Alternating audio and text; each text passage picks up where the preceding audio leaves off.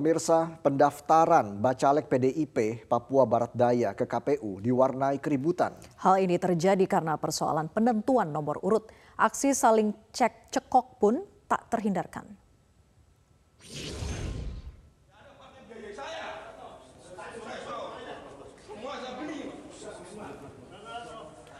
Tidak Pak Freddy, ini pertanggungjawaban mana teman-teman? Teman dia. Selama ini saya kerja sendiri Pak Freddy, Pak. Wakil Sekretaris PDIP Papua Barat Daya ribut dan marah hingga mengeluarkan kata-kata kecewa saat sedang verifikasi berkas bakal calon legislatif oleh KPU dan Bawaslu. Aksi tarik-menarik pun terjadi di ruang pendaftaran karena persoalan penentuan nomor urut.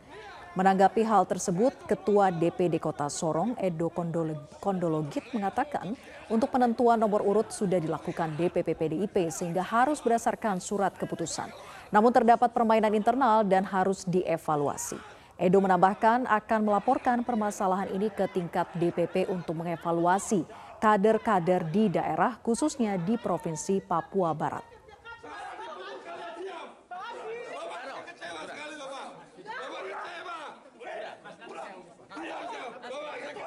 Dalam penetapan calon nomor urut partai kita itu DPP turun ke setiap wilayah dan sudah ditetapkan nomor urut ini satu ini nomor dua ini nomor tiga ini dan tidak boleh diganggu gugat itu sudah keputusan partai resmi tapi permainan internal internal partai kita ini yang menurut saya harus dievaluasi. Pemirsa pada hari ke-13 pengajuan Bacalek Pemilu 2024 ada tiga parpol yang mendaftar ke kantor pusat KPU di Jakarta. Partai Bulan Bintang, Gerindra, dan PKB menjadi parpol yang mendaftar menjelang akhir masa pengajuan Bacalek. Partai Bulan Bintang atau PBB secara resmi mendaftarkan 580 kadernya sebagai bakal calon legislatif untuk DPR RI ke KPU RI pada Sabtu 13 Mei 2023. Ketua Umum PBB Yusril Iza Mahendra menyatakan seluruh berkas verifikasi sudah diterima oleh KPU. Pihaknya pun akan mengikuti semua tahapan pemilu 2024 dengan baik. PBB menargetkan ada sebanyak 25 hingga 30 kursi yang diperoleh kadernya di DPR RI. Sementara itu, Ketua Umum Partai Kebangkitan Bangsa atau PKB, Muhaimin Iskandar, memimpin langsung pendaftaran bacalek dari PKB ke kantor KPU RI. Rombongan bacalek PKB bergerak bersama dari kantor DPP PKB di Jalan Raden Saleh, Jakarta menuju kantor KPU. Ada sebanyak 580 bacalek untuk DPR RI dari PKB dengan target 100 kursi untuk DPR RI dan 2.000 kursi di DPRD provinsi kabupaten, dan kota.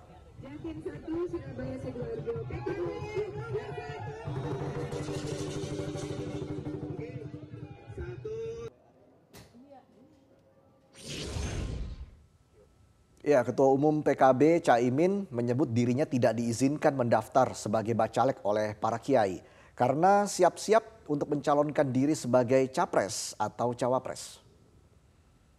Saya diperintah oleh para kiai, Dewan Syuro, Ijtima Ulama untuk tidak boleh nyalon legislatif karena dipersiapkan untuk nyalon presiden. Presiden atau wapres. Kalau tidak capres ya cawapres. Yang penting bukan one team press. Pemirsa nyaris setahun penyidikan kasus kecelakaan yang melibatkan anak anggota polisi yang menabrak satu keluarga di Jalan RA Fadilah tak kunjung tuntas. Korban pun menuntut keadilan.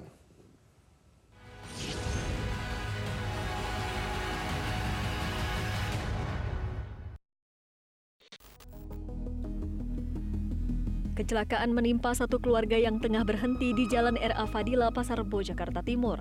Namun proses hukum dalam kasus kecelakaan ini sudah hampir satu tahun jalan di tempat. Bahkan pelaku yang anak anggota polisi masih bebas.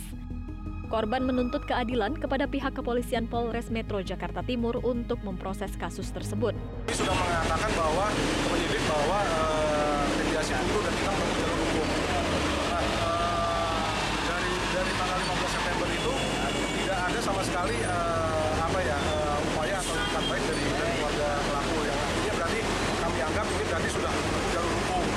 Nah, setiap hari kami tanyakan ke penyidik penyidik bagaimana dilakukan bagaimana kelanjutan prosesnya eh, tidak ada kabar. Nah, eh, akhirnya kami bulan Oktober kami eh, upaya untuk mulai eh, mengirimkan surat lah ke beberapa instansi yang bisa yang eh, harapannya kami eh, bisa membantu kami yaitu ke Kapolri, ke Ombudsman, ke Kompolnas. Kami Sementara itu, Kanit Gakum Satwil Lantas Polres Metro Jakarta Timur Ibtu Darwis Yunarta mengungkapkan, polisi sudah menetapkan ARP sebagai tersangka sejak November Pemirsa keluarga korban Aisyah Sinta Dewi Hasibuan yang tewas terjatuh dari lift di Bandara Kuala Namu, Deli Serdang, Sumatera Utara, memutuskan berdamai dengan pihak Bandara Kuala Namu dan PT Angkasa Pura Aviasi. klien saya Pak Ahmad Faisal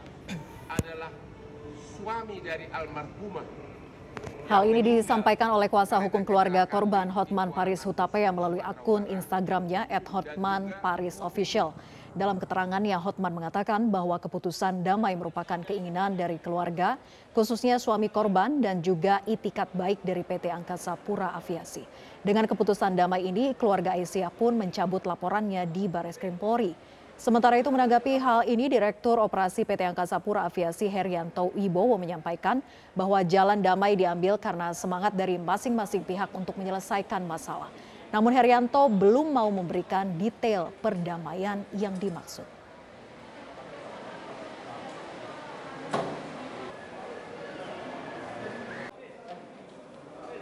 berhubung eh, sudah terjadi perdamaian dengan pengelola bandara Kuala Namu dan dari pihak mereka dianggap kasus sudah selesai dan terima kasih kepada pimpinan pengelola bandara Kuala Namu karena sudah melaksan, sudah melaksanakan perjanjian perdamaian sesuai dengan itikat baik.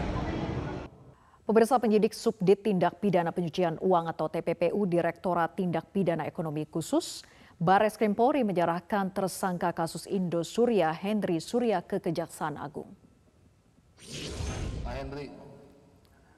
Proses penyerahan tersangka Henry Surya beserta barang bukti kasus pemalsuan surat dan penempatan keterangan palsu dalam pendirian Koperasi Simpan Pinjam Indosurya ini merupakan tahapan susulan setelah Kejagung menyatakan berkas perkara lengkap atau P21.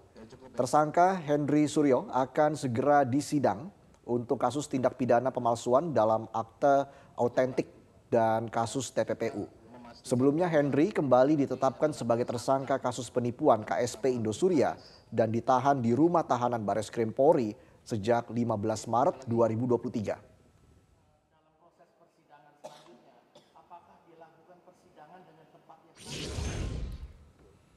Pemirsa empat pekerja tower BTS Telkomsel dari PT IBS disandra gerombolan kelompok separatis teroris Papua di distrik Okbab, Kabupaten Pegunungan Bintang, Papua Pegunungan.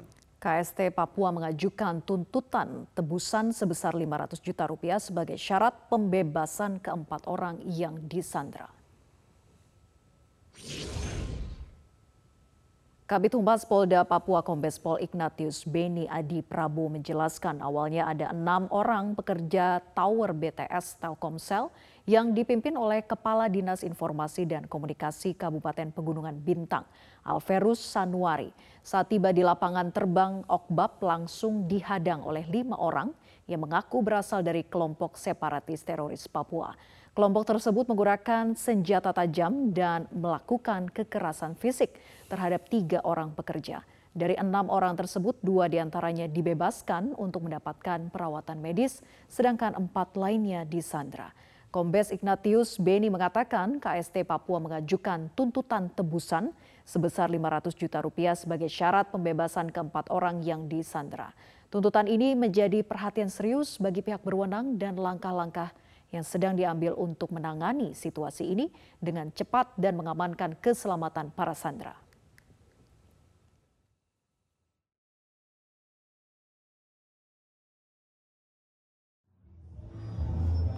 kelompok KKB tersebut menuntut uh, untuk pembebasan dari mereka dengan sejumlah uang yaitu uh, 500 juta sehingga dua orang dibebaskan kembali ke Oksibil ya. Hingga saat ini masih ada empat orang yang disandra di distrik Okbak oleh kelompok KKB tersebut.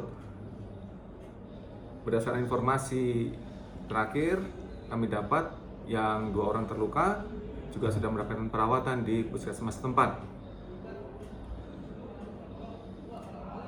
Upaya yang telah dilakukan oleh Polres dan Pemda yaitu melakukan upaya negosiasi melalui tokoh-tokoh adat setempat guna mencari jalan penyelesaian secara damai sehingga tidak jatuh korban jiwa dan keempat orang pekerja tower BTS dapat dikembalikan dengan selamat.